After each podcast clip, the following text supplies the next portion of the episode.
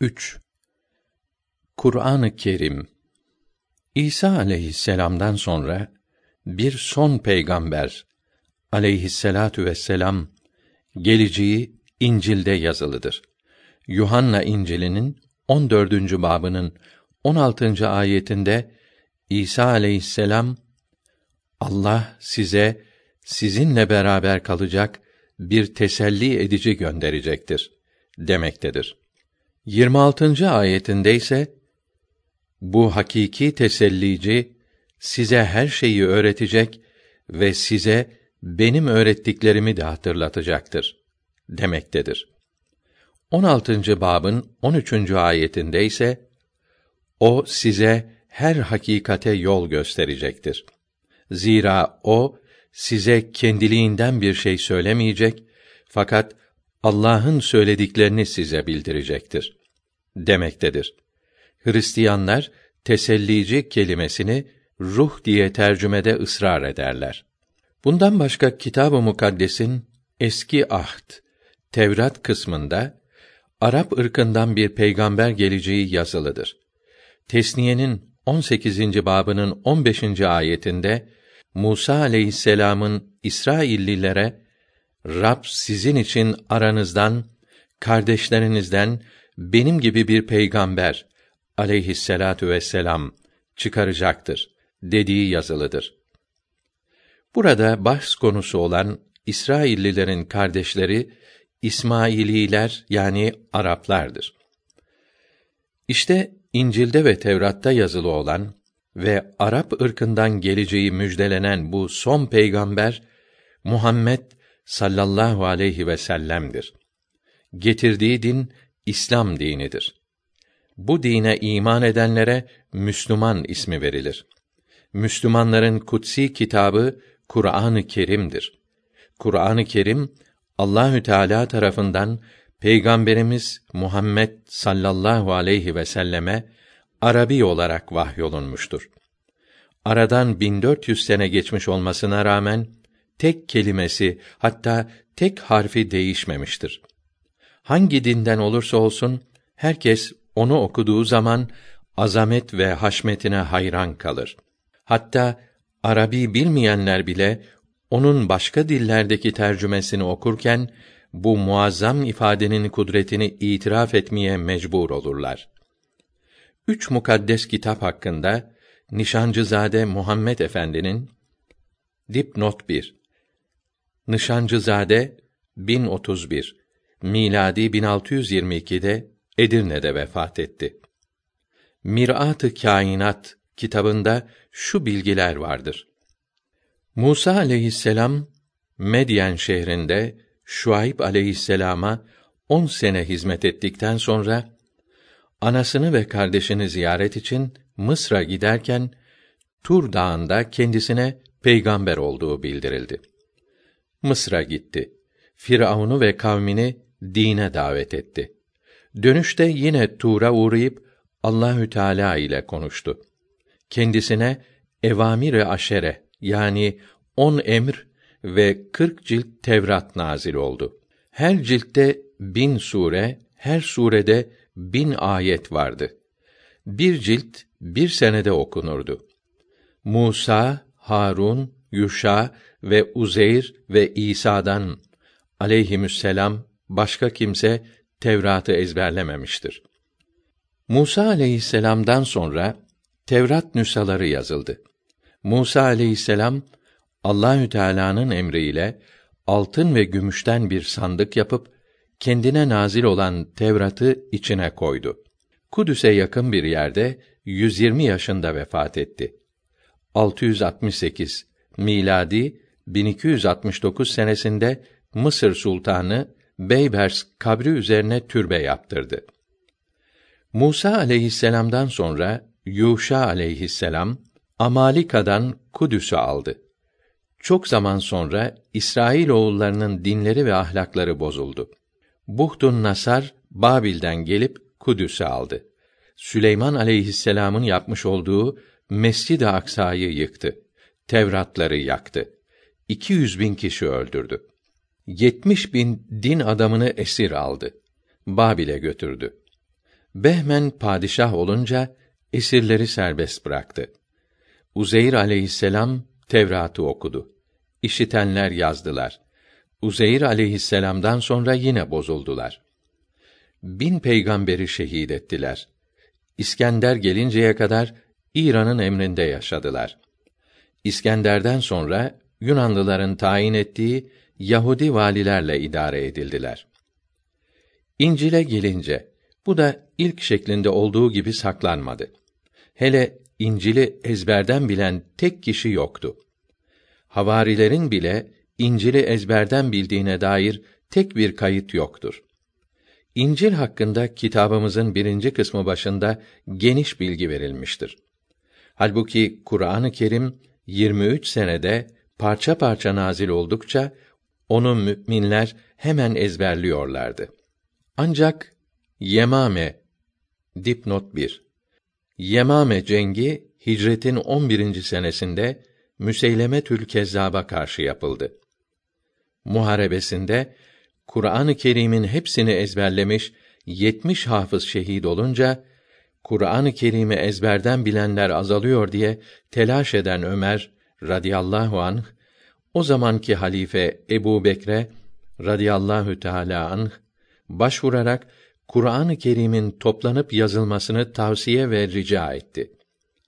Bunun üzerine Hazret Ebu Bekr, Muhammed aleyhisselam'ın katibi olan Zeyd bin Sabit'e radıyallahu teâlâ anh, Kur'an-ı Kerim surelerinin ayrı ayrı kağıtlara yazılmasını emretti. Kur'an-ı Kerim Kureyş lehçesi dahil yedi lehçe üzerine vahyedilmişti. Hatta bazen herhangi bir Kur'an-ı Kerim kelimesini iyi telaffuz edemeyenlere aynı manada başka bir kelime kullanmasına da müsaade olunuyordu. Mesela Abdullah İbni Mesud radıyallahu teâlâ anh taamül esim kelimesini mütemadiyen tammül yetim diye okuyan bir köylüye sen bu kelimeyi telaffuz edemiyorsan bunun yerine aynı manada olan taamül facir kelimesini kullan demişti. Fakat Kur'an-ı Kerim'in böyle muhtelif lehçelerle okunması aynı manada da olsa başka kelimeler kullanılması Müslümanlar arasında münakaşalara, hangi lehçenin daha iyi olduğu hakkında münakaşaya, ihtilafa sebep oldu. Bunun üzerine o zamanki halife Osman radıyallahu teala anh yine Zeyd bin Sabit radıyallahu teala anh reisliği altında bir heyet toplayarak Kur'an-ı Kerim'in yalnız Kureyş lehçesi üzerine yeniden yazılmasını ve tertip edilmesini emretti. Sureler hep Kureyş lehçesiyle yazılmış sahifelerden seçildi. Bu mısaftan yedi adet yazılarak vilayetlere gönderildi. Bu suretle Resulullah'ın sallallahu aleyhi ve sellem vefat edeceği sene Cebrail aleyhisselam ile iki defa okumuş oldukları Kur'an-ı Kerim yazıldı. Buna uymayan nüshaları imha edildi. Bugün bütün İslam memleketlerinde mevcud olan Kur'an-ı Kerimlerin tertibi ve şekli Mıshaf-ı Osmaniye tam uygundur. O zamandan beri bir tek harfi değişmemiştir. Riyadun Nasihin ismindeki Farisi kitapta diyor ki Osman radıyallahu teala anh halifeyken eshab-ı kiramı radıyallahu teala anhum ecmaîn topladı.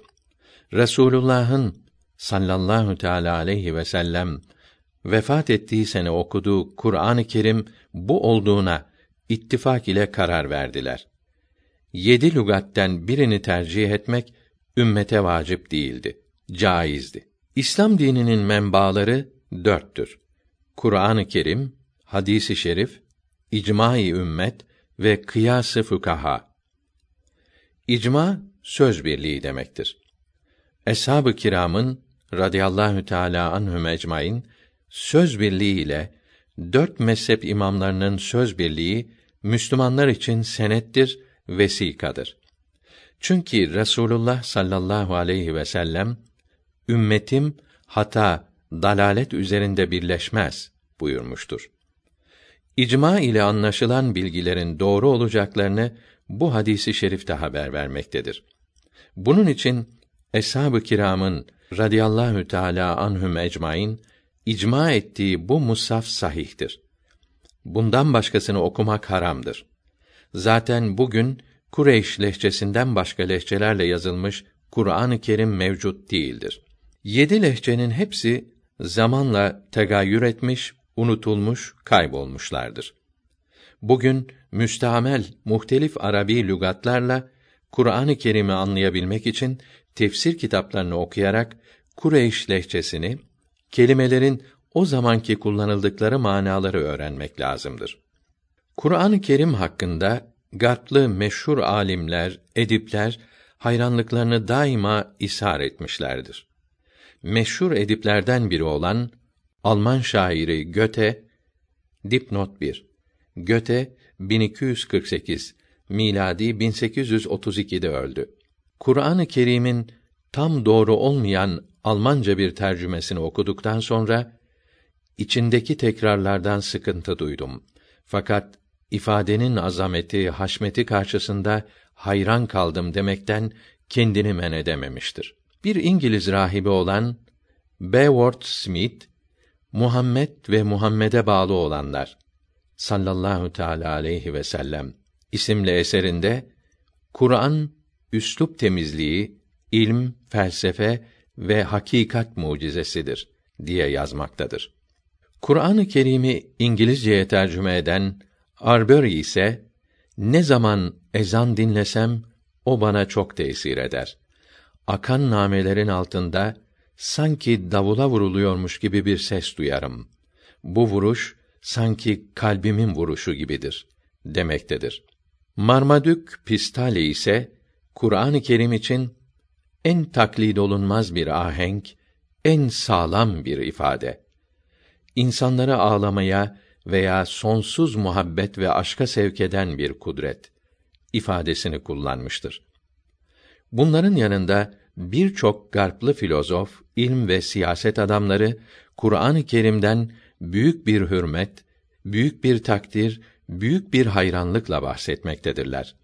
Fakat bunlar Kur'an-ı Kerim'i Allah kitabı olarak değil, Muhammed aleyhisselam'ın yazdığı büyük ve kıymetli bir eser olarak kabul etmektedirler. Eğer böyle olmasaydı bütün bu hayranların Müslüman olmaları icap ederdi. Bakınız Lamartine bile dipnot 2 Fransız şairi Lamartine 1286 miladi 1869'da öldü. Muhammed bir yalancı peygamber değildir. Çünkü o kendisinin Allah tarafından yeni bir dini yaymak için seçildiğine inanıyordu demektedir. Bu da şunu gösterir. Garplı ilm adamları Muhammed aleyhisselam'ın yalancı olmadığını fakat onun kendi karihasından, zekasından gelen Kur'an-ı Kerim'i Allahü Teala'nın vahyi zannettiğini ileri sürüyorlar.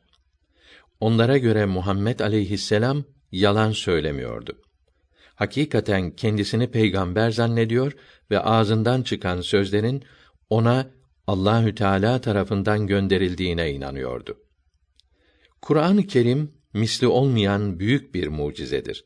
Aşağıda beyan edeceğimiz gibi içinde en derin ilmi ve fenni bilgiler, bütün dünyada bugüne kadar yapılmış medeni kanunlara numune teşkil edecek ilmi ve hukuki esaslar, eski tarihe ait birçok bilinmeyen malumat, insanlara verilebilecek en büyük ahlak esasları, nasihatler, dünya ve ahiret hakkında en mantıki izahat esasları ve bunlara benzer o zamana kadar hiçbir kimsenin bilmediği, bilemediği, tasavvur bile edemediği hususlar vardır.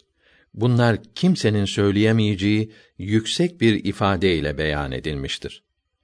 Muhammed aleyhisselam ümmi idi. Yani kimseden bir şey okumamış, öğrenmemiş, hiçbir şey yazmamıştı. Bu husus Kur'an-ı Kerim'de Ankebut suresinin 48. ayetinde mealen Ey Muhammed aleyhisselam bu Kur'an-ı Kerim sana indirilmeden önce sen bir kitaptan okumuş ve elinle onu yazmış değildin. Eğer öyle olsaydı müşrikler Kur'an-ı Kerim'i başkasından öğrenmiş veya önceki semavi kitaplardan almış derlerdi. Yahudiler de onun vasfı Tevrat'ta ümmi olarak bildirilmiştir. Bu ise ümmi değil diye şüpheye düşerlerdi buyurulmuştur. Muhammed aleyhisselam 40 yaşındayken ibadet için çekildiği Hira dağındaki mağarada kendisine Cebrail aleyhisselam tarafından ilk vahiy getirildiği zaman korkudan şaşkına dönmüş, ne yapacağını şaşırmış, koşa koşa evine giderek zevcesi olan Hatice radıyallahu anhadan kendisini yatağa yatırmasını, üstünü sıkıca örtmesini rica etmiş, uzun müddet kendisine gelememişti. Kendisinde büyük bir ruhaniyet, bir üstünlük olduğunu kabul eden, insanlar için yeni bir din kitabı hazırlamak isteyen bir zat böyle mi olur? Her şeyden evvel böyle bir muazzam eseri yazabilecek kudrette bilgi öğrenmesi, pek çok şeyler okuması, birçok tetkikler yapması icap etmez mi? Halbuki Muhammed aleyhisselam çocuk iken iki kere tüccarlarla Şam tarafına götürülmüş, bu seferlerinde yalnız ticaret eşyasının muhafazası ve emniyeti vazifesini yapmış, ticaret kervanlarını idare etmiş, bunları yalnız son derece yüksek olan dürüstlüğü ve inanılmaz derecede yüksek olan hafızasıyla yapmıştı. Kendisine hatırına bile gelmeyen, hiç beklemediği böyle bir vahiy gelmesi onu sevindirmemiş, bilakis korkutmuştu. Ancak vahiyler tekrarlandıkça Allahü Teala'nın kendisine hakikaten gayet mühim ve ağır bir vazife verdiğini anlamış ve Allahü Teala'nın emirlerine bütün mevcudiyetiyle itaat ederek onun bildirdiği tek Allah esası üzerine kurulmuş olan İslam dinini neşre başlamıştı. Muhammed aleyhisselam'ın İslam dinini neşretmesi ona hiçbir dünyevi menfaat temin etmemiş, bilakis hemen hemen bütün Mekkeliler kendisine düşman kesilmişti. Hiçbir peygamber benim çektiğim eziyeti çekmedi, benim kadar üzülmedi buyurmuştur. Bu hadisi şerif kitaplarda yazılıdır. Bu da gösteriyor ki Muhammed aleyhisselam yeni bir din neşretmesinde hiçbir menfaati veya arzusu bulunmuyordu. Esasen yukarıda da zikrettiğimiz gibi kendisinin yetişmesi ve muhiti böyle muazzam bir iş için kafi değildi. O halde Muhammed aleyhisselam'ın Kur'an-ı Kerim'i kendi başına tertip ettiğini kabul etmeye imkan yoktur. Acaba Kur'an-ı Kerim ancak Allahü Teala tarafından vahyedilen muazzam bir eser midir? Bir de bunu tetkik edelim. Bir yeni peygamber zuhur edince onun etrafında toplanan halk ondan mucizeler bekler.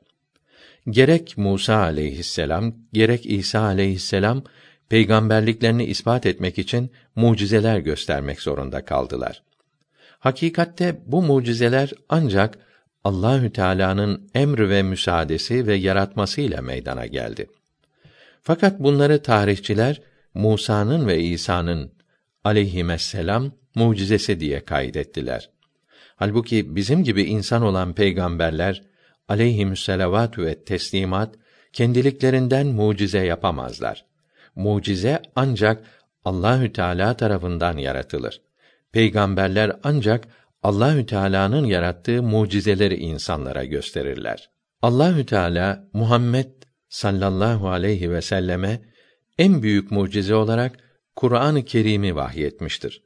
Kur'an-ı Kerim mucize olduğu muhakkak olan en büyük kitaptır. Halbuki Araplar Muhammed aleyhisselam'dan semadan bir kitap indirilmesini veya bir dağı altına çevirmesini istiyorlardı.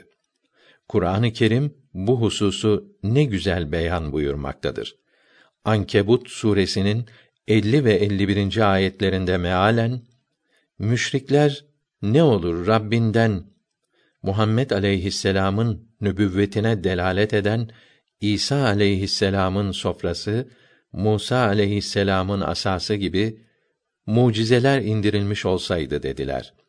Ey Habibim, Sen onlara de ki mucizeler Allahü Teala'nın kudreti ve iradesiyle olur. Ne zaman ve nasıl isterse öyle yaratır. Bunları yapmak benim elimde değildir. Doğrusu ben ancak onun azabını size tebliğ edici, haber vereceğim. Kur'an gibi bir kitabı sana indirmiş olmamız onlara mucize olarak yetmez mi? Bunda inanan kavm için rahmet ve nasihat vardır buyurulmuştur.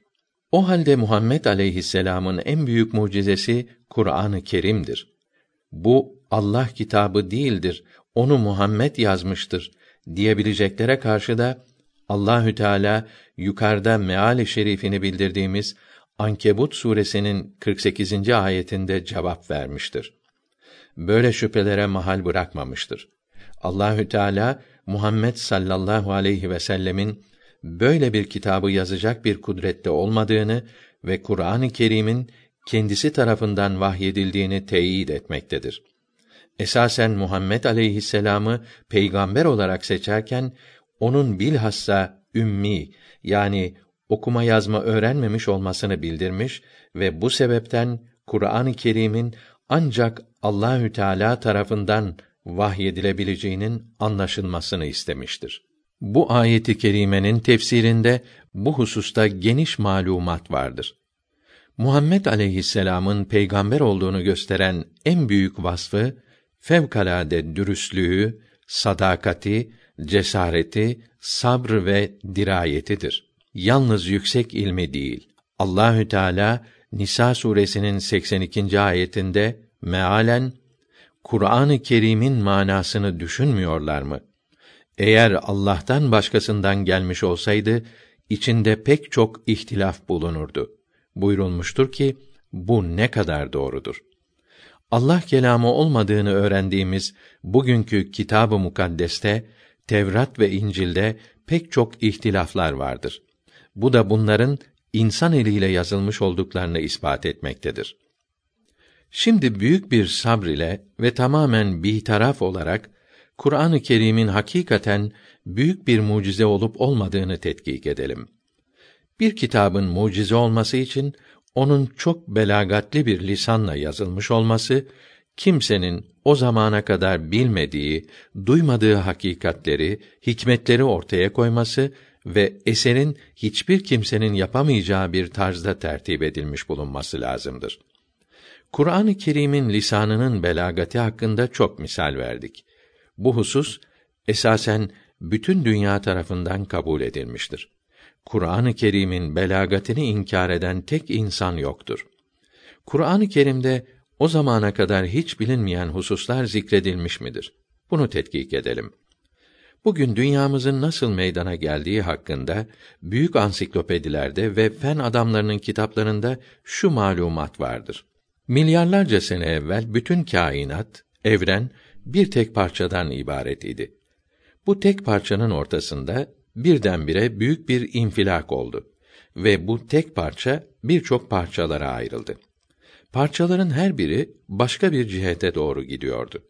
Nihayet bu parçaların bazıları birbirleriyle birleşerek muhtelif seyyareler, gezegenler ve ayrı ayrı galaksiler, samanyolları, güneşler ve peykler, aylar meydana getirdiler. Artık fezada, uzayda bu ilk patlamaya karşı bir mukavemet kalmadığından bu seyyareler ve uydular ve bunların içinde bulundukları galaksiler fezada kendi mahreklerinde, yörüngelerinde devretmeye, dönmeye ve yüzmeye devam ettiler. Dünya içinde güneşin de bulunduğu bir galaksidir. Kainatta sayılamayacak kadar çok galaksiler vardır. Kainat gittikçe genişleyen bir manzume, sistemdir.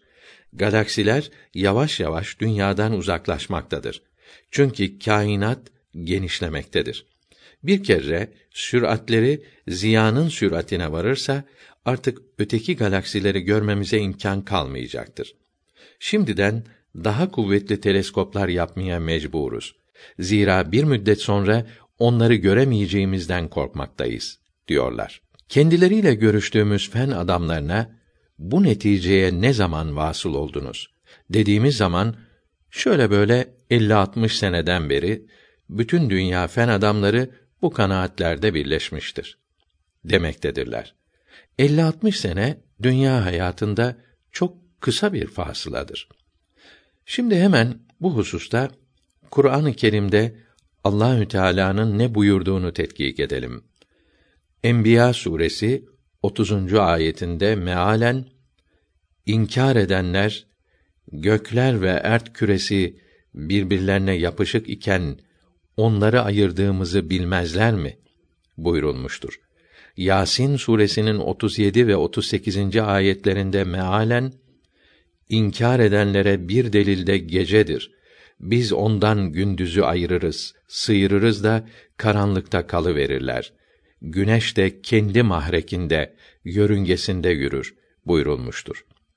Demek oluyor ki Allahü Teala fen adamlarının ancak 50-60 sene evvel meydana çıkarabildikleri dünyanın yaratılışını bundan tam 1400 sene evvel insanlara bildirmiştir. Şimdi yine fen adamlarına dönelim. Biyologlar bugün hayatın nasıl meydana geldiğini şöyle açıklıyoruz. Dünyanın ilk havasında amonyak, oksijen ve karbonik asit vardı. Yıldırımların tesirleriyle bunlardan amino asitler meydana geldi. Milyarlarca sene evvel ilk defa su içinde protoplazma husule geldi. Bunlardan ilk amipler meydana çıktı. Hayat suda başladı. Sudan karaya çıkan canlılar havadan amino asitleri alarak proteinli bünyeler meydana getirdiler. Görüldüğü gibi bütün canlılar sudan gelmektedir ve ilk canlılar suda teşekkül etmiştir diyorlar. Kur'an-ı Kerim'de de ilk canlının denizlerde yaratıldığı 1400 sene evvel bildirilmektedir. Enbiya suresi 30. ayetinde mealen inkar edenler bütün canlıları sudan yarattığımızı bilmezler mi? Ve Furkan suresi 54. ayetinde mealen insanı sudan yaratarak erkek ve kadın akrabalar yapan Allah'tır. Ve Yasin suresi 36. ayetinde de mealen yerin yetiştirdiklerinden ve kendilerinden ve bilmedikleri birçok şeylerden çift çift yaratan Allahü Teala her türlü ayıp ve noksandan münezzehtir buyurulmuştur.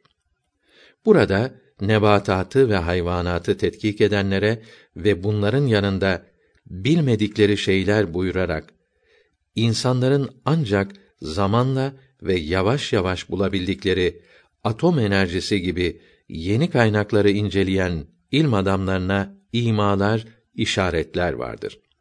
Nitekim Rum suresinin 22. ayetinde mealen gökleri ve yerleri yaratması, renklerinizin ve lisanlarınızın ayrı olması onun varlığının ayetlerinden, işaretlerindendir. Doğrusu burada alimler, anlayış sahipleri için ibret vardır buyurulmuştur. Demek oluyor ki lisan ve renk farklarında henüz bizim bugün daha bilemediğimiz bazı incelikler vardır. Bunlar zamanla meydana çıkacaktır.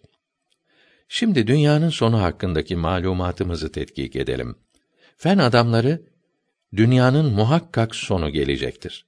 Nitekim kainatta bazen bir seyyare parçalanıp ortadan kaybolmaktadır. Bizim tetkiklerimize göre dünyamız önceden kat'î olarak hesap edemediğimiz bir zaman sonra muvazenesini kaybederek paramparça olacaktır demektedirler. Halbuki bunu Kur'an-ı Kerim bize 1400 sene evvel bildirmiştir. Zilzal suresinin birinci ve ikinci ayetlerinde mealen arz, yeryüzü dehşetle sarsıldığı ve içinde olanları, hazine ve ölüleri dışarı çıkardığı zaman buyruluyor. Mü'min suresi 13. ayeti kerimesinde mealen size varlığına ve birliğine delalet eden ayetlerini, mucizelerini gösteren, size gökten rızık indiren odur. Bu ayetlerden, işaretlerden Allah'a inananlardan başkası ibret almaz buyurulmuştur. Buradaki gökten rızk indiren tabiri çok kereler Musa aleyhisselam ve kavmi çölde yolunu kaybettiği zaman gökten inen kudret helvası denilen ve bugün de susuz yerlerde peyda olan manna adlı şekerli maddeyi işaret olabilir denilmiştir. Halbuki bu tefsir yanlıştır. Tefsir kitaplarında ayet-i kerimedeki size gökten rızk indiren mealindeki kısım size gökten rızkınızın sebebi yağmur ve gayrilerini kar, rutubet indiren Allahü Teala'dır şeklinde tefsir buyurulmuştur. Çünkü Allahü Teala bizim rızkımızı hakikaten semadan indirmektedir. Bunu biraz izah edelim. Bugün en büyük fen adamları dünyada albüminlerin, proteinlerin nasıl meydana geldiğini şöyle izah etmektedir. Yağmurlu günlerde yıldırım ve şimşeklerin tesirleriyle havadaki oksijen ve azot birleşerek renksiz azot monoksit gazını meydana getirmekte. Bu gaz tekrar oksijenle birleşerek turuncu renkli azot dioksit, diğer taraftan yine yıldırım ve şimşeklerin tesiriyle havadaki rutubet ve azottan amonyak meydana gelmektedir. Azot dioksit ise rutubetin tesiriyle nitrik aside dönüşmekte. Bu sefer nitrik asitle amonyak yine havada bulunan karbonik asitle birleşerek amonyum nitrat ve amonyum karbonat hasıl olmakta. Meydana gelen bu tuzlar yağmurla yeryüzüne inmektedir. Yeryüzünde bu tuzlar toprakta bulunan kalsiyum tuzlarıyla birleşerek kalsiyum nitratı meydana getirmekte. Bu tuzda nebatat, bitkiler tarafından massedilerek, emilerek onların yetişmesine sebep olmaktadır. Bu nebatatı yiyen insanlarda ve hayvanlarda o maddeler muhtelif proteinlere ki bunların arasında albüminler de vardır, tehavül etmekte ve bu hayvanların etlerini, sütlerini, yumurtalarını yiyen insanları beslemektedir. O halde insanların rızkı Kur'an-ı Kerim'de bildirilmiş olduğu gibi semadan gelmektedir. Yukarıdaki malumatı Kur'an-ı Kerim'de bildirilen şeyler fen bilgilerine uymuyor diyenlere cevap olarak yazıyoruz. İslam alimleri rahimehumullahü teala tefsir ilminin mütehassısları ayet-i kerimeleri zamanlarındaki fen bilgilerine göre tefsir etmişlerdir. Biz burada Kur'an-ı Kerim'in her asırdaki fen bilgilerine uygun olduğu gibi en yeni keşflere de muvafık olduğunu göstermek istiyoruz. Her ayet-i kerimenin birçok hatta sonsuz manası vardır. Çünkü Allahü Teala'nın bütün sıfatları gibi kelam sıfatı da sonsuzdur. Bu manaların hepsini ancak Kur'an-ı Kerim'in sahibi yani Allahü Teala bilir. Bunların çoğunu peygamberine sallallahu teala aleyhi ve sellem bildirmiştir. Bu mübarek peygamberi de sallallahu teala aleyhi ve sellem münasip gördüklerini eshabına radıyallahu teala anhum ecmaîn haber vermiştir. Yukarıda verdiğimiz malumat o manalar deryasından birkaç damla olabilir kanaatindeyiz.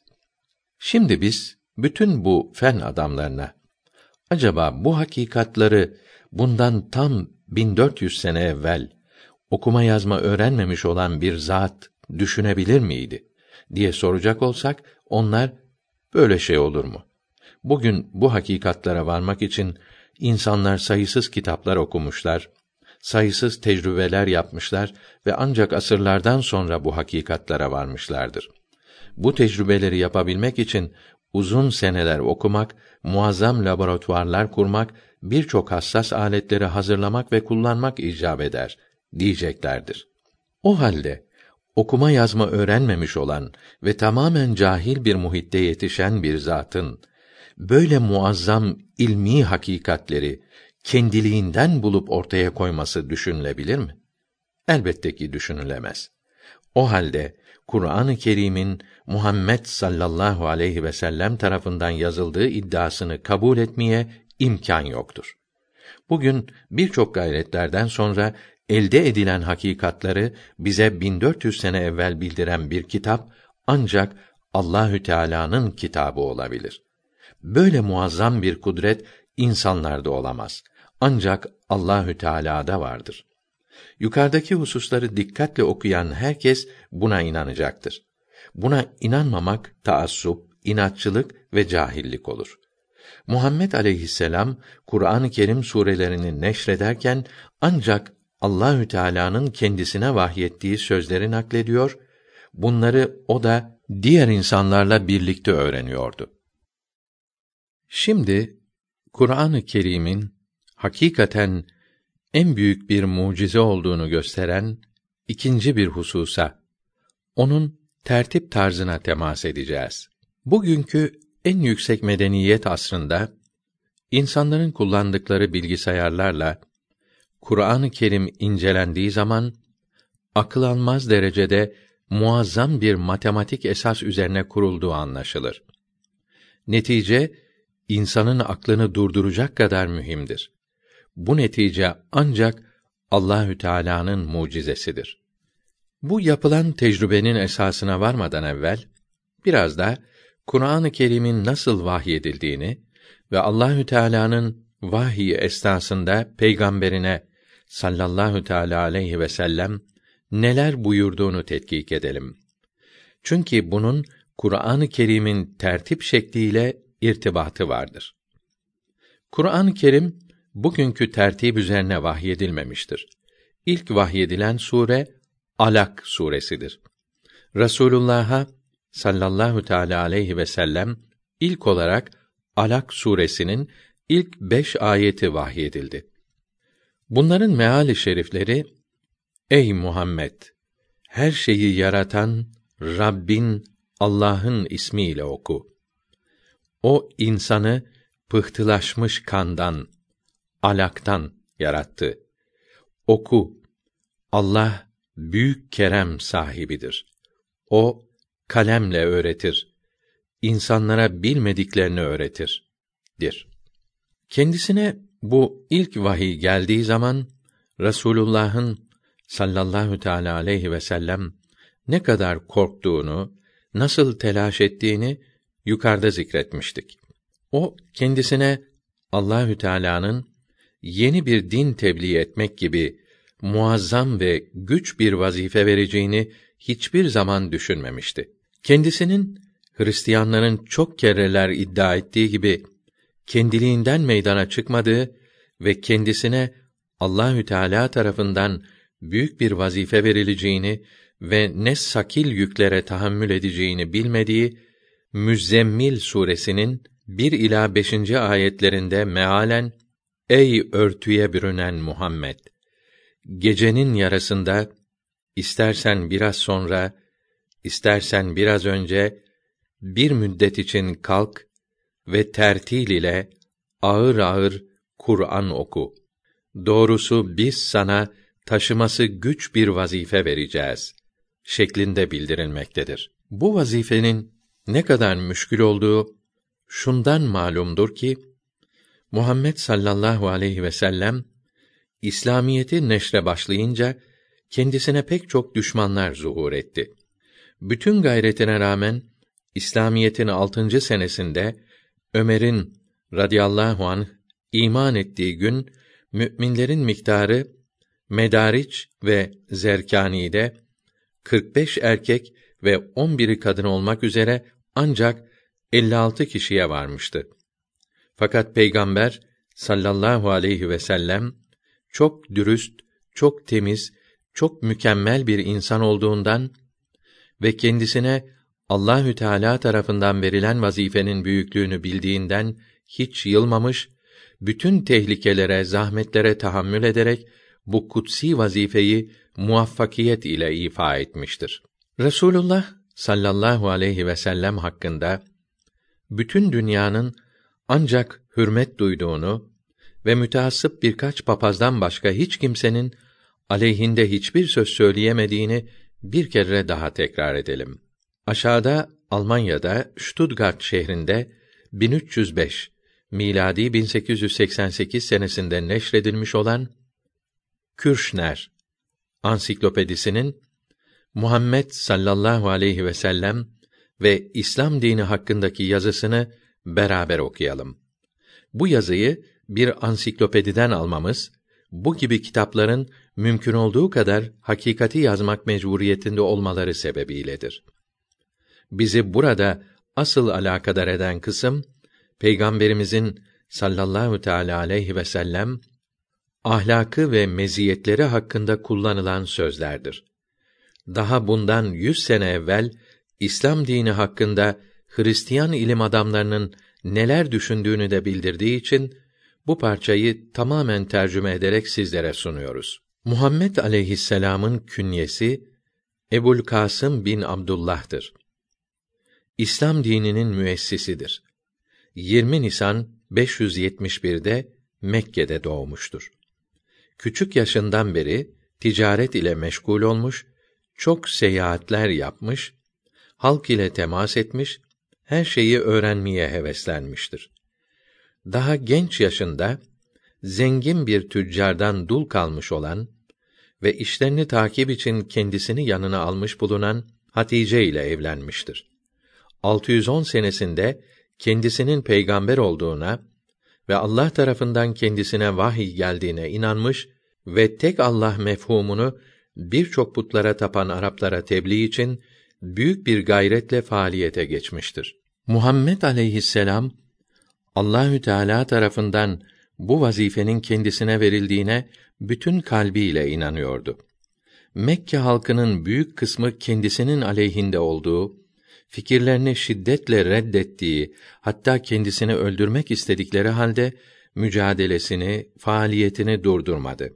Nihayet kendisine karşı çıkanların fazla tazyiki üzerine 622 senesinde Mekke'den ayrılarak Yesrib, Medine şehrine gitti.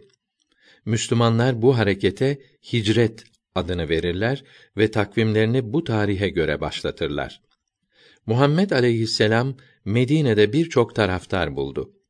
Bir putperestlik dini olan eski Arap dinini tamamen islah, onlara Allah'ın bir olduğunu ispat etmek istiyordu.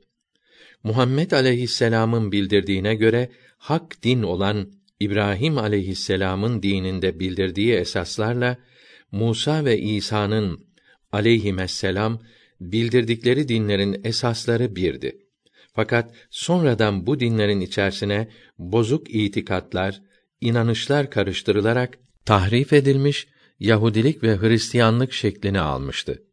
Muhammed aleyhisselam bütün bu dinlerin birbirinin temadisi, devamı olduğunu ve en temizlenmiş şeklinin ise ancak İslamiyet olduğunu herkese anlatıyordu.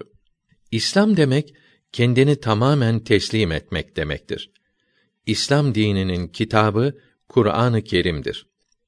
Diğer dinlerin kitaplarında yalnız manevi hususlardan bahsolunurken Kur'an-ı Kerim'de aynı zamanda içtimai, iktisadi ve hukuki hükümler de mevcuttur. İnsanlara dünyada neler yapmaları lazım geldiği hakkında hatta medeni kanun şeklinde olan hükümler çoktur.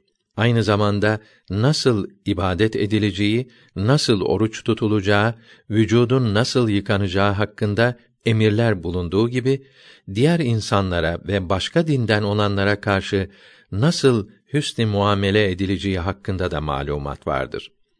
Kur'an-ı Kerim Müslüman olmayan zalim hükümetlere karşı mücadeleyi emreder. Bütün esası tek Allah'a ibadet etmektir. Dini resimleri, heykelleri men eder.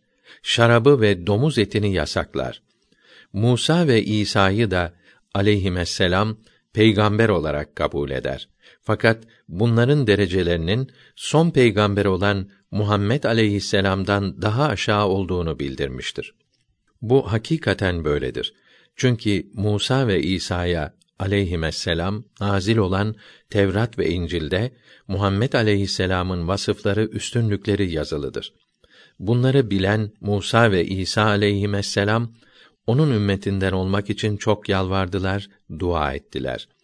İsa aleyhisselam'ın bu duası da kabul olundu. Allahü Teala onu diri olarak göğe yükseltti kıyamete yakın tekrar yeryüzüne inecek, Muhammed aleyhisselam'ın dinine uyacak ve onu yayacaktır.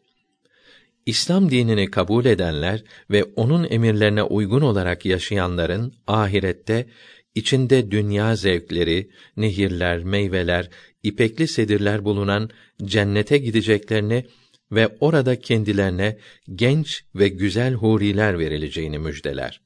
Muhammed aleyhisselam gayet güzel huylu, güler yüzlü, kibar tavırlı ve çok dürüst bir zat idi. Daima hiddet ve şiddetten kaçmış, hiçbir zaman zulm yapmamıştır. Müslümanların daima iyi huylu, güler yüzlü olmasını istemiş, cennete iyi huy ve sabr ile gidileceğini bildirmiştir. Doğru sözlülüğü, merhameti, fakirlere yardımı, misafirperverliği, şefkati daima Müslümanlığın esas temelleri olduğunu beyan buyurmuştu. Daima kanaat ile yaşamış, debdebe ve şaşa gösterişten içtinab etmiştir. Müslümanlar arasında hiçbir sınıf farkı tanımamış, en fakir bir Müslümanın bile hatırını saymıştır. Büyük bir zaruret olmayınca zora başvurmamış, bütün meseleleri tatlılıkla, anlaşmayla, nasihat ve izah ile halletmeye uğraşmış ve çok kereler bunda muvaffak olmuştur. Bütün ömrü boyunca hiç kimseyi incitmemiş, kimseyi kırmamıştır. Kendisi için kimseye kızmamıştır. Kendisinden bir şey istenip de yok dediği hiç işitilmedi. Var ise verir, yok ise sükût ederdi. O Allahü Teala'nın sevgilisiydi. Geçmiş ve gelecek bütün insanların seyyidi, efendisiydi. 630 tarihinde tekrar Mekke'ye dönerek bu şehri kolayca fethetmiş ve çok kısa zaman içinde yarı vahşi Arapları dünyanın en medeni insanları haline getirmiştir. İslam dini her birinin hakkını tanımak şartıyla bir erkeğin dörde kadar kadınla evlenmesine izin vermektedir. Muhammed aleyhisselam 8 Haziran 632 tarihinde vefat etmiştir. Kürşner Ansiklopedisinden tercüme burada tamam oldu. Ansiklopedinin bu yazısını okuduğumuz zaman şu kanaate varıyoruz. Bunu hazırlayan tarihçi İslam dininin Allahü Teala'nın dini olduğuna tam inanmasa bile bu dinin mükemmel bir din olduğunu ve tek Allah'a inanmayı emrettiğini, vahşi Arapları medeni yaptığını kabul etmekte, hele peygamberimizden pek büyük bir met ve sena ile bahsetmektedir. İşte ne mükemmel bir insan olduğunu bütün dünyanın tasdik ettiği Muhammed aleyhisselama son derece dürüstlüğü ve sadakati sebebiyle en büyük düşmanları azgın kâfirler dahi Muhammedül Emin kendine güvenilir Muhammed derlerdi. Bu kutsi vazifeyi her türlü müşkilata rağmen devam ettirdi. Bir müddet sonra Cebrail aleyhisselam ona Alak suresinin 14 ayetini daha getirdi. Muhammed sallallahu aleyhi ve sellem Mekkelilere onların zulümlerine rağmen kendisine vahyolunan Kur'an-ı Kerim surelerini okuyor, onları hak dine davet ediyordu. Mekkeliler ona gülüyor, alay ediyorlardı.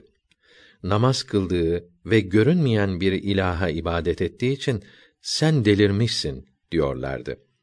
O zaman Allahü Teala Kalem suresinin bir ila dördüncü ayetlerini vahyetti. Bu ayetlerde mealen Nun, kalem ve onunla yazılanlara yemin olsun ki ey Muhammed sen deli değilsin. Doğrusu sana devamlı ecr, sevap vardır. Şüphesiz sen büyük bir ahlaka sahipsin buyuruldu. Kur'an-ı Kerim'in Allah kelamı olmadığını ve Muhammed aleyhisselam tarafından hazırlandığını iddia edenleri reddeden ayet-i kerimeler nazil oldu. İsra suresinin 88. ayetinde mealen de ki insanlar ve cinler birbirlerine yardımcı olarak belagat, güzel nazm ve kamil manada bu Kur'an'ın bir benzerini ortaya koymak için bir araya gelseler yemin olsun ki yine de benzerini ortaya koyamazlar buyuruldu.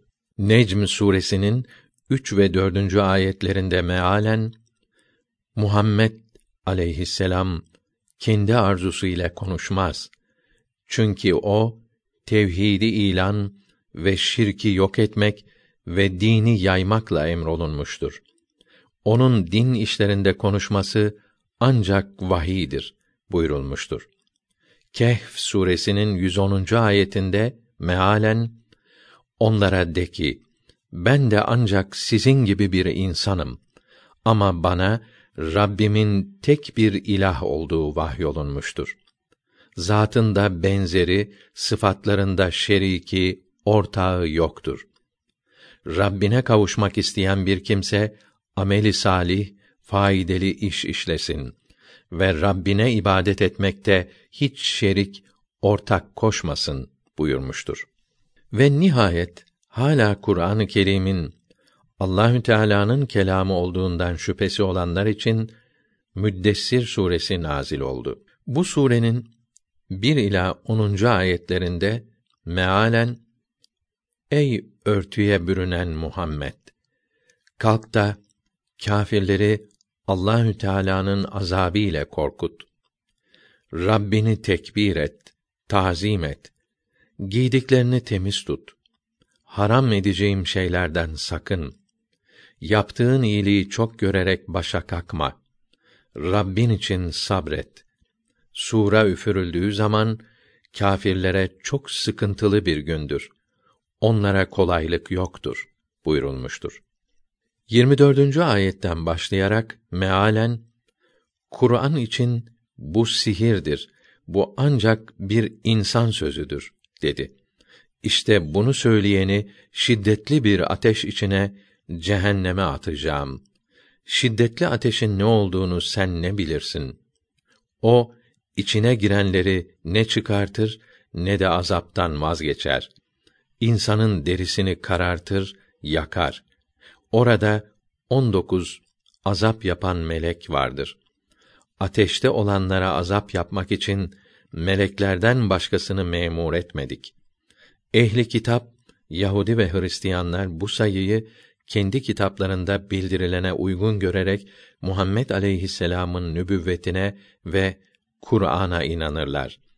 Müminlerin de imanı artar. Ehli kitap ve müminler bu adette şüphe etmesinler. Kalpleri hasta olanlar ve kâfirler ise Allah bunu 19 adedini bildirmekle ne yapmak ister derler. Bunun gibi Allah dilediğini, kötüleri doğru yoldan saptırır ve dilediğini, iyileri de doğru yola kavuşturur. Rabbimin cehennem ehlini azaplandırmak için yarattığı meleklerin adedini ancak kendisi bilir. Bu on dokuz melek diğer meleklerin reisleridir buyuruldu. Kur'an-ı Kerim'in hakikaten Allahü Teala'nın kelamı olduğundan şüphe edenlere bir cevap olan bu suredeki 19 sayısı Tevrat'ta da bildirilmişti. İslam dininde bir şeyin kutsiyet kazanması için İslam'ın edille-i şer'iye denilen dört temel kaynağından birisiyle bildirilmiş olması lazımdır. 19 ve 786 rakamlarının kutsi oldukları hiç bildirilmedi. O halde bu rakamlar kutsi değildir. 19. asrın sonlarında kurulan ve az zamanda dünyaya yayılan Behai dininde 19 sayısı kutsileştirilmiştir. Oruçları 19 gündür. Her Bahai'nin 19 günde bir 19 Behai'yi evine davet etmesi şarttır. Dinlerini idare eden mecliste 19 üye vardır. Neredeyse imanın şartını altı yerine 19 yapacaklar. Kendilerine Müslüman diyorlar.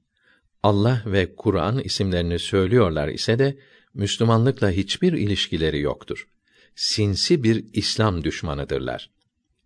1298 miladi 1880 senesinde İngilizler tarafından Hindistan'da kurulmuş olan Kadı Yani ve Ahmedi isimlerindeki dinin mensupları da kendilerinin Müslüman olduklarını söylüyorlar. Halbuki bunlar bu dinin kurucusu olan Ahmet Kadı Yani'ye Dipnot 1 Ahmet Kadı Yani 1326 miladi 1908'de öldü. Peygamberdir diyorlar. Hatta onu peygamberimizden üstün tutuyorlar. İsa aleyhisselam'ı çok küçültüyorlar. Bütün İslam alimleri birleşerek Kadıyanilerin Müslüman olmadıklarına karar verdiler. Bu kararı kitaplarına yazarak bütün dünyaya duyurdular. Abdüsselam isminde Pakistanlı bir kadı yani 1979 Nobel Fizik mükafatını aldı. Bazı kimseler Müslümanların başarısı diye buna sevindiler. Halbuki bu başarı komünist Rusların mükafat alması, aya gitmeye çalışması gibidir.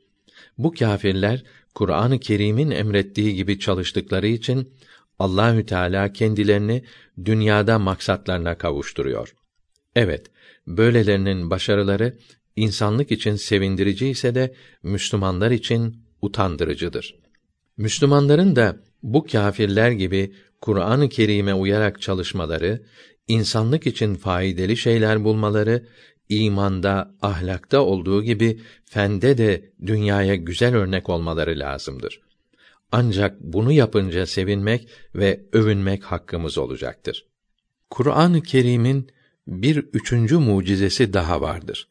Şimdi onu da tetkik edelim. İslamiyetten evvel Arabistan bir çöl ve orada oturan insanlar da yarı vahşi bedevilerdi. Putperest idiler. Birçok putlara taparlardı. İptidai bir hayat sürerlerdi. Kız çocuklarını diri diri gömmek gibi korkunç adetleri vardı.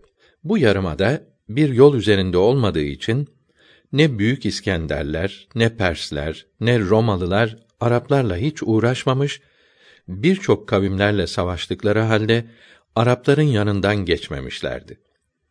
Bu sebepten İranlıların, Romalıların ahlaksızlıkları, zulmleri, hilekarlıkları Araplara bulaşmadı. Mert olarak kaldılar. İşte böyle aciz, zavallı fakat saf ve temiz olan bir kavm onlara mürşitlik, rehberlik eden Muhammed aleyhisselam'ın getirdiği Kur'an-ı Kerim sayesinde birdenbire değişmiş, tam bir medeniyete kavuşmuş, harikulade, olağanüstü bir gayret ile 30 sene içinde şarkta Türkistan ve Hindistan, garpta İspanya olmak üzere akla hayret veren çok kudretli bir İslam devleti meydana getirmiştir. İlimde, fende ve medeniyette son derece ilerlemişler, o zamana kadar bilinmeyen birçok şeyler keşfetmişlerdir. İlim, fen, tıp ve edebiyatta en yüksek mertebeye varmışlardır. Yukarıda da zikrettiğimiz gibi ilimde o kadar ileri gitmişlerdi ki papalar bile Endülüs üniversitelerinde okuyor, dünyanın her tarafından koşup gelenler bu üniversitelerde fen ve tıp tahsil ediyorlardı. O zamanın Avrupa'sından bahseden John W. Draper gibi tarafsız bir tarihçi Avrupa'nın manevi inkişafı ismindeki eserinde şöyle demektedir. O zamanki Avrupalılar tamamen barbardı. Hristiyanlık onları barbarlıktan kurtaramamıştı. Hristiyan dininin başaramadığını İslam dini başardı. İspanya'ya gelen Araplar evvela onlara yıkanmasını öğrettiler. Sonra onların üzerindeki parça parça olmuş, bitlenmiş hayvan postlarını çıkararak temiz, güzel elbiseler giydirdiler. Evler, konaklar, saraylar yaptılar. Onları okuttular. Üniversiteler kurdular. Hristiyan tarihçiler İslam'a karşı olan kinlerinden ötürü bu hakikati gizlemeye çalışmakta, Avrupa'nın medeniyette Müslümanlara ne kadar borçlu olduğunu bir türlü itiraf edememektedirler. Thomas Carlyle yukarıda yazılı olan hakikatleri aynen kabul ettikten sonra Araplara bir kahraman peygamber onların çok iyi anladıkları bir kitap ile reislik etti. O zaman İslam dini bir kıvılcım gibi parladı. Hindistan'dan Granada'ya kadar büyük bir dünya parçasını ateşledi. Karanlık dünyayı nur içinde bıraktı demektedir. Lamartin Muhammed sallallahu aleyhi ve sellem için filozof, hatip, peygamber, kumandan, insan düşüncelerini sihirleyen, yeni hükümler koyan, muazzam bir İslam devleti kuran zat. İşte Muhammed aleyhisselam budur. insanların büyüklüğünü ölçmek için kullanılan bütün mikyaslarla, ölçülerle ölçülsün. Acaba ondan daha büyük bir insan var mıdır? Olamaz. Demekten kendini alamamıştır. Gibbon, Roma İmparatorluğu'nun çökmesi ve yıkılması adlı eserinde İslam dini ve Kur'an-ı Kerim hakkında şunları söylüyor. Kur'an-ı Kerim Allahü Teala'nın birliğini ispat eden en büyük eserdir. Amerikan astronomi mütehassısı Michael H. Hart, Adem aleyhisselam'dan bugüne kadar gelen bütün büyük insanları birer birer tetkik ederek bunların içinden yalnız yüz tanesini ayırmakta, bu yüz kişi arasında en büyüğü olarak Muhammed aleyhisselam'ı göstermektedir. Onun kudreti kendisine Allahü Teala tarafından vahyedildiğine inandığı muazzam eser Kur'an-ı Kerim'den gelmektedir demiştir. Amerika Chicago Üniversitesi profesörlerinden meşhur ruhiyat mütehassısı Yahudi Yales Maserman 1974 senesinin 15 Temmuz'unda neşredilen Time mecmuasının hususi nüshasında Büyük liderler nerede? başlığı altında tarihte şimdiye kadar gelip geçmiş olan rehberleri tetkik etmekte, bunların hayatlarını tahlil etmekte ve bunların en büyüğü Muhammed aleyhisselam'dır demekte ve şu neticeye varmaktadır. Muhammed aleyhisselam'dan sonra Musa aleyhisselam gelir. İsa aleyhisselam ve bu da lider olmaya layık kimseler değildi. Halbuki kendisi Yahudi olduğu için Musa aleyhisselamı Muhammed aleyhisselama tercih etmesi beklenirdi. O bunu yapmamış, hakikatten ayrılmamıştır. Amerika'da en büyük insan yarışmasında en çok rey alan yine Muhammed sallallahu aleyhi ve sellem olmuştur. 30 sene içinde bir vahşi kavmi hem de küçük bir insan topluluğunu dünyanın en muazzam, en medeni, en yüksek ahlaklı, en yüksek seciyeli, en kahraman, en bilgili bir millet haline getirmek herhangi bir insanın, bir liderin, bir kumandanın yapacağı iş değildir. Bu ancak Allahü Teala'nın tahakkuk ettirdiği bir mucizedir ve bunu Araplara yaptırmak için onlara Muhammed sallallahu aleyhi ve sellem vasıtasıyla Kur'an-ı Kerim'i göndermiştir. Ancak Kur'an-ı Kerim'e ve böylece Allahü Teala'nın emirlerine tabi olarak bu akıl almaz muazzam iş zuhur etmiştir. Bütün bu zikrettiğimiz hususlar, beyan ettiğimiz hakikatler, tertibindeki ilahi nizam, Kur'an-ı Kerim'in dünyanın en büyük mucizesi olduğunu size göstermiyor mu? İşte dünyayı kısa zamanda medeniyete kavuşturması da Kur'an-ı Kerim'in üçüncü mucizesidir.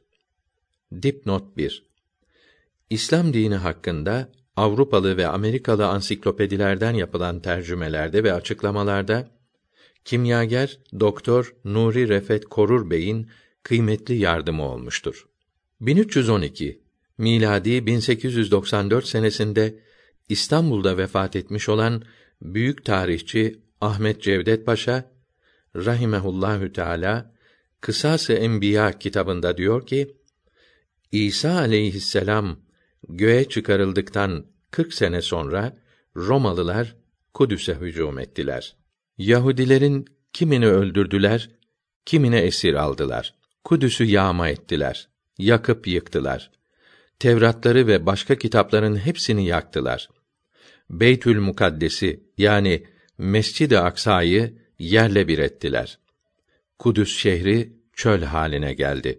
Yahudiler bundan sonra bir daha toplanamadı. Bir hükümet kuramadılar. Dağıldıkları yerlerde hor ve hakir yaşadılar. İsa aleyhisselam'ın 30 yaşında peygamber olduğu bildirildi. Kendisine 12 kişi inandı. Bunlara havariyun denir. 33 yaşında diri olarak göğe kaldırılınca havariler dağılıp bu yeni dini yaymaya çalıştılar. Sonra İncil diye çeşitli kitaplar yazıldı. Bunlar İsa aleyhisselam'ı anlatan tarih kitaplarıydı. Asıl İncil ele geçmemiştir. Her yer küfr ve şirk içindeydi. İsa aleyhisselam'ın dini 300 sene gizli tutuldu. Ona inandığı öğrenilen kimselere işkence ediliyordu. Roma İmparatoru Konstantin 310 senesinde bu dine izin verdi. Kendi de Hristiyan oldu. İstanbul şehrini yaptı. Roma'dan İstanbul'a taşındı. Fakat bu dinin esasları bozulmuş, unutulmuş olduğundan papazların elinde oyuncak oldu. Miladın 395. senesinde Roma devleti ikiye ayrıldı. Roma'daki papaya tabi olanlara Katolik, İstanbul'daki patriye tabi olanlara Ortodoks denildi. Kiliselere resimler, heykeller kondu. Başka milletler de küfr ve şirk içindeydi. Romalılar bütün Avrupa'yı, Mısır'ı, Suriye'yi, Irak'ı aldılar. Fen ve sanatta ileri iseler de ahlakları bozuktu. Keyfe, can yakmaya dalmışlardı. Aldıkları memleketlere fena ahlaklarını yerleştirdiler. Bereket versin ki Arabistan yarımadasına saldırmadılar. Araplar cahil kalmıştı. Kimi Hristiyan, kimi Yahudi, ekserisi de putperest olmuş, bir kısmı da İbrahim ve İsmail peygamberlerden aleyhimes salavatü ve teslimat kalma adetlere bağlıydı. Mekke sakinlerinin çoğu müşrik olarak putlara tapıyorlardı. Kâbe'nin içine put, heykel doldurulmuştu. Bütün dünyada zulmet ve dalalet içindeydi. Araplar fende geri iseler de edebiyata çok ehemmiyet veriyorlardı. İçlerinde kuvvetli hatipler ve şairleri vardı. Şiir söylemekle iftihar ederlerdi. Arap lisanının kemale gelmesi Allah tarafından bir kitap indirileceğine bir işaret idi. Cevdet Paşa'nın sözü burada tamam oldu. Bu kadar açık delillerle Kur'an-ı Kerim'in hakikaten Allahü Teala'nın kitabı olduğunu ispat ettikten sonra hala ona inanmayan kalmışsa Allahü Teala'nın onları ahirette en büyük azaba mahkum etmesine, çarpmasına şaşmamak icap eder. Kur'an-ı Kerim'de çok zalimane hükümler vardır diyen Hristiyanlara hayır. Kur'an-ı Kerim'in birçok yerinde Allahü Teala'nın çok merhametli, çok affedici olduğu zikredilmiştir. Günah işleyen bir kimse günahlarına nedamet ederse Allahü Teala onu affedecektir. Fakat bu kadar açık delillere rağmen hala Kur'an-ı Kerim'e iman etmeyenlerin ahirette ebedi azap görmeleri hiç zalimane olmaz demeliyiz. Hakiki Müslüman olmak demek yalnız adete tabi olarak ibadet etmek değil, İslam'ın emrettiği güzel ahlakı edinerek insanlık vazifelerini yaparak ruhen de tertemiz olmak demektir. İbadet eden fakat hileyi zeka eseri sayan, insanları aldatan, hatta bazen muzır propagandalara aldanarak insan öldüren, ortalığı yakıp yıkan, yalan söyleyen bir kimse Müslüman olduğunu söylese de hakiki Müslüman değildir. Allahü Teala Kur'an-ı Kerim'de Furkan suresinde bir Müslümanın nasıl olması icap ettiğini beyan buyurmuştur. Bunu tefsir etmek için ehli sünnet alimleri rahimehumullahü teala ziyadesiyle kitap yazmışlardır. Fakat biz kendimizi hala fena huylardan kurtaramıyor, Kur'an-ı Kerim'de bildirildiği gibi çalışmıyor, Allahü Teala'nın emirlerini yapmıyor, sözüne sadık olamıyor, sokaklarımızı pislik içinde bir harabeye çeviriyor, ruhen ve bedenen temizlenemiyoruz. Halbuki elimizde bize bütün bu güzel şeylere emreden, ne yapmamız lazım geldiğini açık açık bildiren Allahü Teala'nın kelamı Kur'an-ı Kerim ve peygamberimizin sallallahu teala aleyhi ve sellem emirleri ve ehli sünnet alimlerinin rahimehumullahü teala kitapları vardır. Allahü Teala Feth suresinin 28. ayetinde mealen şöyle buyurmaktadır. Allahü Teala peygamberini hidayet ve hak din, İslamiyet ile gönderdi. İslam dinini diğer dinler üzerine üstün kıldı. Muhammed aleyhisselam'ın hak peygamber olduğuna şahit olarak Allah yeter. Saf suresinin dokuzuncu ayetinde mealen müşrikler istemese de İslam dinini diğer bütün dinlerden üstün kılmak için Resulü Muhammed aleyhisselam'ı sebebi hidayet olan Kur'an ve İslam diniyle birlikte gönderen Allahü Teala'dır buyurulmuştur. Ve Allahü Teala vaad ediyor. Allahü Teala şükredenlerin mükafatını verecektir. Burada şükretmek demek Kur'an-ı Kerim'in istediği gibi tam Müslüman olmak demektir. Allahü Teala'nın verdiği nimetleri onun emrine uygun olarak kullanmak demektir. Bugün dünyada bir milyardan ziyade Müslüman olduğu 271. sayfede bildirilmişti. Yani dünyada her dört kişiden biri Müslümandır. Eğer bu Müslümanlar Allahü Teala'nın emrettiği gibi ruhen ve bedenen tertemiz insanlar olur, birbirlerine kardeşçe bağlanır, çalışır, her sahada ilerlemeye başlarsa Allahü Teala da onlara mükafatını verecek. O zaman Müslümanlar tıpkı kurûn-u vüstada olduğu gibi medeniyetin en önüne geçeceklerdir. Allahü Teala bize bunu vaad ediyor. Allahü Teala hiçbir zaman vaadinden dönmez. Aşkın aldı benden beni.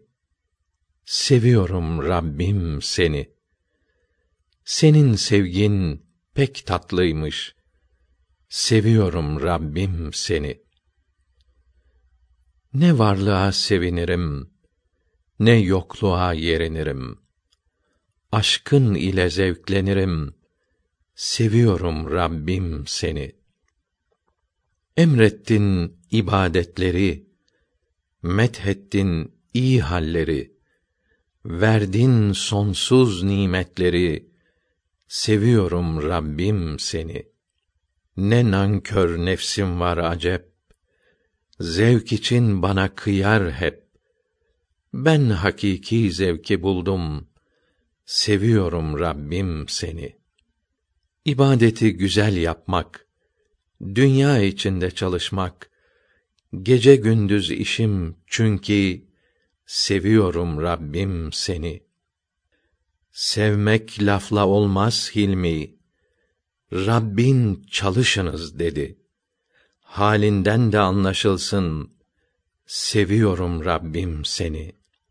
İslam düşmanları nice çatıyor dine sinsice. Durursan doğru mu olur? Seviyorum Rabbim seni. Aşık tembel oturur mu? Maşuka toz kondurur mu? Düşmanı sustur da söyle. Seviyorum Rabbim seni.